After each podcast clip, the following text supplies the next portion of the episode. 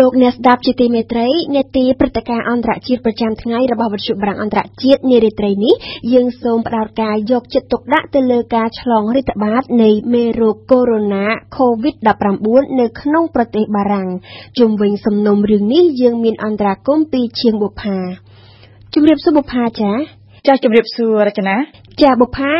នៅប្រទេសបារាំងអាញាធរកំពុងតែចាប់ផ្ដើមស៊ើបអង្កេតរកប្រភពចម្លងកូវីដ -19 បន្ទាប់ពីសាស្ត្រាចារ្យបារាំងម្នាក់ដែលមិនធ្លាប់ធ្វើដំណើរទៅកន្លែងដែលប្រឈមខ្លាំងទៅនឹងកូវីដ -19 ដូចជាចិននិងអ៊ីតាលីប៉ុន្តែបែរជាឆ្លង ហើយស្លាប់ដោយសារតែកូវីដ -19 កាលពីយប់ថ្ងៃអង្គារម្សិលមិញបុផារហូតមកដល់ពេលនេះថាតើគេអាចដឹងអ្វីខ្លះពីជនរងគ្រោះបារាំងខាងដើមនេះចា៎ចាស់រចនាជនរងគ្រោះទី2ដែលស្លាប់ដោយសារតែមេរោគកូវីដ -19 នៅប្រទេសបារាំងហ្នឹងគឺជាជនជាតិបារាំងអាយុ65ឆ្នាំនេះគឺជាលើកទី1ហើយរចនាដែលមានជនជាតិបារាំងហ្នឹងស្លាប់ដោយសារតែកូវីដ -19 ពីព្រោះថាជនរងគ្រោះទី1គឺជាអ្នកទេសចរជនជាតិចិនអាយុ80ឆ្នាំដែលបានស្លាប់ដោយសារតែកូវីដ -19 កាលពីពាក់កណ្ដាលខែកុម្ភៈនេះ បរិសុទ្ធជាតិបារាំងដែលបានស្លាប់ដោយសារតែកូវីដ -19 លើកនេះរចនាគឺជាគ្រូបង្រៀននិងជាសមាជិកក្រុមប្រឹក្សាក្រុងមួយដែលស្ថិតនៅចម្ងាយប្រមាណ45គីឡូម៉ែត្រភាគខាងជើងទីក្រុងប៉ារីតាមមន្ត្រីសុខាភិបាលបារាំងគឺថាគ្រូបង្រៀនជាតិបារាំងដែលបានធ្លាក់ខ្លួនឈឺតាំងតែពីថ្ងៃទី12កុម្ភៈហើយទៅបានបញ្ជូនទៅមន្ទីរពេទ្យព្យាបាលនៅក្នុងទីក្រុងរបស់គាត់នៅក្នុងនាមជាអ្នកដែលមានជំងឺផ្លិតដង្ហើមធម្មតាតាំងតែពីថ្ងៃទី20កុម្ភៈក៏ប៉ុន្តែស្ថានភាពសុខភាពរបស់គាត់គឺបានធ្លាក់ធ្ងន់ធ្ងរខ្លាំងរហូតត្រូវគេដឹកតាមឧទ្ធម្ភាគចក្រទៅកាន់មន្ទីរពេទ្យ La Piche Salpêtrière កណ្ដាលក្រុងប៉ារីកាលពីយប់ថ្ងៃអង្គារម្សិលមិញគឺនៅមន្ទីរពេទ្យក្រុងប៉ារីនេះឯងរចនាដែលមានផ្នែកពិសេសសម្រាប់ព្យាបាលអ្នកជំងឺកូវីដ -19 ដែលគេបានធ្វើតេស្តហើយនឹងរកឃើញថាគាត់នឹងមានឆ្លងមេរោគកូវីដ -19 ដឹងថាគាត់មានផ្ទុកមេរោគកូវីដ -19 គឺយឺតពេលទៅហើយរចនា នៅក្រៅមរណភាពរបស់គ្រូបង្រៀនបារាំងអាញាធរគឺថាបានប្រកាសបើកការស៊ើបអង្កេតភ្លាមដើម្បីស្វែងរកប្រភពចម្លងមេរោគកូវីដ -19 នេះពីព្រោះដោយរចនាបាននិយាយខាងដើមអញ្ចឹងគឺថាជនរងគ្រោះខាងលើមិនដែលធ្វើដំណើរទៅកាន់ប្រទេសចិនហើយនឹងទៅប្រទេសអ៊ីតាលីដែលកំពុងតែផ្ទុះខ្លាំងនៃជំងឺរាតត្បាតកូវីដ -19 នោះទេតើគាត់អាចឆ្លងពីមនុស្សដទៃដែលធ្លាប់ធ្វើដំណើរទៅប្រទេសដែលមានការឆ្លងរីករាលដាលមេរោគកូវីដ -19 នេះគឺជាសំណួរមួយរចនាដែលអាញាធរបារាំងនឹងកំពុងតែស្វែងរកចម្លើយឲ្យបានឆាប់បំផុតសម្រាប់ចំណោទលើនេះហើយសូមបញ្ជាក់ថាគិតរហូតមកដល់ថ្ងៃប្រហ័សនេះរចនាអាញាធរគឺបានចាប់សាកសួររកមនុស្សដែលជនរងគ្រោះខាងលើនោះធ្លាប់បានជួបប្រស័យមានទំនាក់ទំនងជិតស្និទ្ធកន្លងមកគឺដើម្បីចង់នឹងថាតើនៅក្នុងចំណោមនោះមានអ្នកដែលធ្វើដំណើរមកពីប្រទេសដែលមានឆ្លងមេរោគកូវីដ -19 ដែរឬទេ មួយវិញទៀតរចនាដោយស្វែងរកអ្នកដែលជនរងគ្រោះបានជួបនៅក្នុងរយៈពេល2សប្តាហ៍ចុងក្រោយនេះគឺសំខាន់ណាស់ដែរសម្រាប់កំណត់ស្វែងរកអ្នកដែលមានលទ្ធភាពអាចឆ្លងមេរោគកូវីដ -19 ពីព្រោះថានៅក្នុងរយៈពេលនេះទោះបីជាជនរងគ្រោះឈឺសម្រាប់នៅផ្ទះមែនក៏ប៉ុន្តែមានមនុស្សជាច្រើនអ្នកដែលបានចូលទៅជិតស្និទ្ធជាមួយគាត់ដោយរាប់ទាំងបុគ្គលិកពេទ្យដែលមិនបានចាត់វិធានការការពារខ្លួនទាល់តែសោះដោយសារតែពួកគេនឹងមិននឹកស្មានថាជនរងគ្រោះនឹងមានមេរោគកូវីដ -19 ជាក់ស្ដែងគឺថាភរិយារបស់ជនរងគ្រោះរចនាត្រូវបានគេធ្វើតេស្តរួចទៅហើយហើយបានរកឃើញថាមានផ្ទុកមេរោគកូវីដ -19 ដូចជាស្វាមីរបស់គាត់រចនាជំបុផាថាតើគេអាចនិយាយបានថា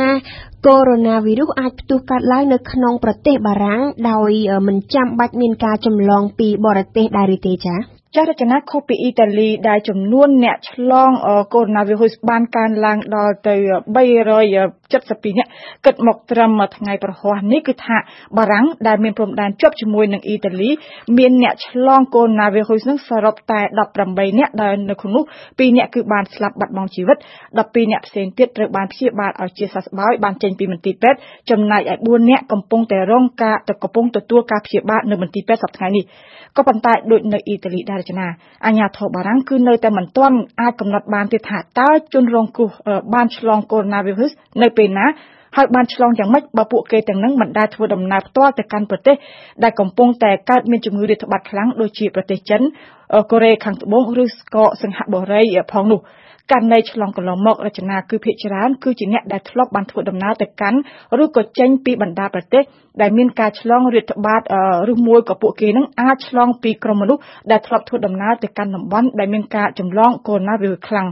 ឧទាហរណ៍ករណីឆ្លងថ្មីនៅប្រទេសបារាំងចុងក្រោយនេះគឺអ្នកដែលបានធ្វើដំណើរទៅភូមិខាងជើងអ៊ីតាលីដែលកំពុងតែមានករណីឆ្លងរីករាលដាលខ្លាំងនៅប្រមាណថ្ងៃចុងក្រោយនេះ។អាញាធរបារាំងពេលនេះរចនាកំពុងតែតាមស៊ើបអង្កេតផងដែរទៅលើករណីរបស់អ្នកជំងឺម្នាក់ផ្សេងមួយទៀតដែលរស់នៅក្នុងក្រុងតែមួយជាមួយនឹងគ្រូបង្រៀនខាងលើ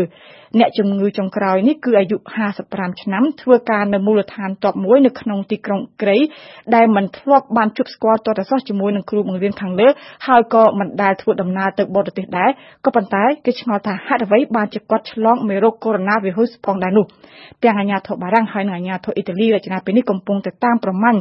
រកប្រភពចម្លងនេះឲ្យបានឆាប់បំផុតពីព្រោះថាបើសិនជាគេរកមិនឃើញមានការចម្លងមេរោគនេះពីខាងពីប្រភពមកពីខាងក្រៅទេនោះអាចមានន័យដែរថាកូវីដ -19 នេះអាចកើតផ្ទុះឡើងនៅក្នុងទឹកដីបារាំងឬក៏អ៊ីតាលីផ្ទាល់តែម្ដងគឺដូចនៅក្នុងករណីប្រទេសចិនអញ្ចឹងរចនា ចាបុផានៅពេលដែលស្ថានភាពនៅប្រទេសចិនបានចុះធូរស្រាលបន្តិចបណ្ដាប្រទេសផ្សេងទៀតមិនថានៅអឺរ៉ុបនៅអាស៊ីនិងនៅដើមបូព៌ាបែរជាត្រូវធ្លាក់ខ្លួនប្រឈមខ្លាំងទៅនឹងការឆ្លងរីករាលដាលនៃមេរោគកូវីដ -19 ទៅវិញនៅក្នុងករណីប្រទេសបារាំងបុផាថាតើរដ្ឋាភិបាលបារាំងនឹង អាចមានសមត្ថភាពទប់ស្កាត់កាត់បន្ថយការឆ្លងរាតត្បាតលើកនេះដែរឬទេចា៎ចាររចនាប្រទេសបារាំងតាមរយៈរដ្ឋមន្ត្រីក្រសួងសុខាភិបាលគឺធ្លាប់បានបញ្ជាក់អះអាងហើយថាបារាំងគឺបានត្រៀមខ្លួនរួចហើយតាំងតែពីមានករណីផ្ទុះកូវីដ -19 ដំបូងនៅប្រទេសចិនម្លេះ នៅក្នុងប្រទេសអភិវឌ្ឍដូចជាបារាំងរចនាដែលមានកញ្ចប់ថវិកាសំខាន់ណាស់សម្រាប់សុខភាពរបស់ប្រជាជន ហើយដែលធ្លាប់ប្រឈមទៅនឹងជំងឺផ្ដាសាយជារៀងរាល់ឆ្នាំដែលកាចសាហាវសម្រាប់មនុស្សច្រើនមិនចាញ់មេរោគកូវីដ -19 នោះគឺថារដ្ឋាភិបាលបារាំងរចនាបានត្រៀមលក្ខណៈហើយបានចាត់វិធានការជាច្រើនដើម្បីគ្រប់គ្រងទប់ទល់ប្រឆាំងទៅនឹងការរីករាលដាលមេរោគកូវីដ -19 ជាក់ស្ដែងគឺនៅក្រៅករណីមានអ្នកជំងឺទី2ស្លាប់ដោយសារតែកូវីដ -19 គឺថាក្រសួងសុខាភិបាលបារាំងនឹងបានចាប់អនុវត្តភ្លាមនៅផែនការសដែលមានគោលដៅពង្រឹង ការទទួលព្យាបាលធ្វើតេស្តរកអ្នកផ្ទុកកូវីដ -19 ការត្រួតពិនិត្យអនាម័យហើយនឹងការការពារសុវត្ថិភាពរបស់បុគ្គលិកពេទ្យហើយនឹងអាចបន្ថែមចំនួនគ្រែហើយនឹងមន្ទីរពេទ្យពិសេសសម្រាប់អ្នកជំងឺបើសិនជាចាំបាច់ហើយបើសិនជាមានការផ្ទុះរាតត្បាតខ្លាំងមែននោះតែនោះគឺថាអាជ្ញាធរបារាំងអាចក៏ហៅផងដែរប្រមូលផ្ដុំគ្រប់ស្ថាប័នសុខភាពមិនថាឯកជនឬក៏រដ្ឋទេឲ្យធ្វើការរួមគ្នាជាទ្រង់មួយដើម្បីទទួលព្យាបាលអ្នកជំងឺដែលមានមេរោគកូវីដ -19 គេបានក្រុមផងដែររចនានៅក្នុងការបង្កើនចំនួនឡានសង្គ្រោះបន្ទាន់ដើម្បីចេញទៅព្យាបាលមនុស្សនៅតាមផ្ទះដើម្បីជៀសវាងកុំឲ្យមនុស្សនឹងទៅកកប្រមូលផ្ដុំខ្លាំងនៅតាមមន្ទីរពេទ្យដែលតាមពិតអាចជាកន្លែងចម្លងមេរោគដ៏មានប្រសិទ្ធភាពដូចជានៅក្នុងករណីប្រទេសចិនអញ្ចឹងហើយនៅមុនពេលដែលផែនការសអាចចាប់អនុវត្តកាន់តែច្រើននៅគ្រប់កន្លែងនៅពេញប្រទេសបារាំងនៅពេលដែលអាចមានការឆ្លងរាតត្បាតរបស់កូវីដ -19 នោះរចនាគឺថាអាញាធរបារាំងបានអំពាវនាវសំខាន់មុនគេបំផុត គឺកុំឲ្យមនុស្សនឹងឆាប់ភ័យខ្លាចជាងគេប៉ុន្តែផ្ទុយទៅវិញពួកគេគឺត្រូវតែណារក្សាអនាម័យជាប់ជានិច្ចតាមរយៈការលាងដៃជាប់ជាប្រចាំឬក៏ត្រូវទៅធ្វើតេស្តនៅមន្ទីរពេទ្យបើសិនជាអាចមានរោគសញ្ញាក្តៅខ្លួនឬមួយក៏មួយទៀតអាចនៅស្ថិតនៅដាច់ឆ្ងាយពីគេឯងដើម្បីជួយទប់ស្កាត់នៅការចម្លងមេរោគទៅអ្នកដទៃរចនាចាអរគុណបុប្ផាសម្រាប់បទអន្តរាគមនារាត្រីនេះ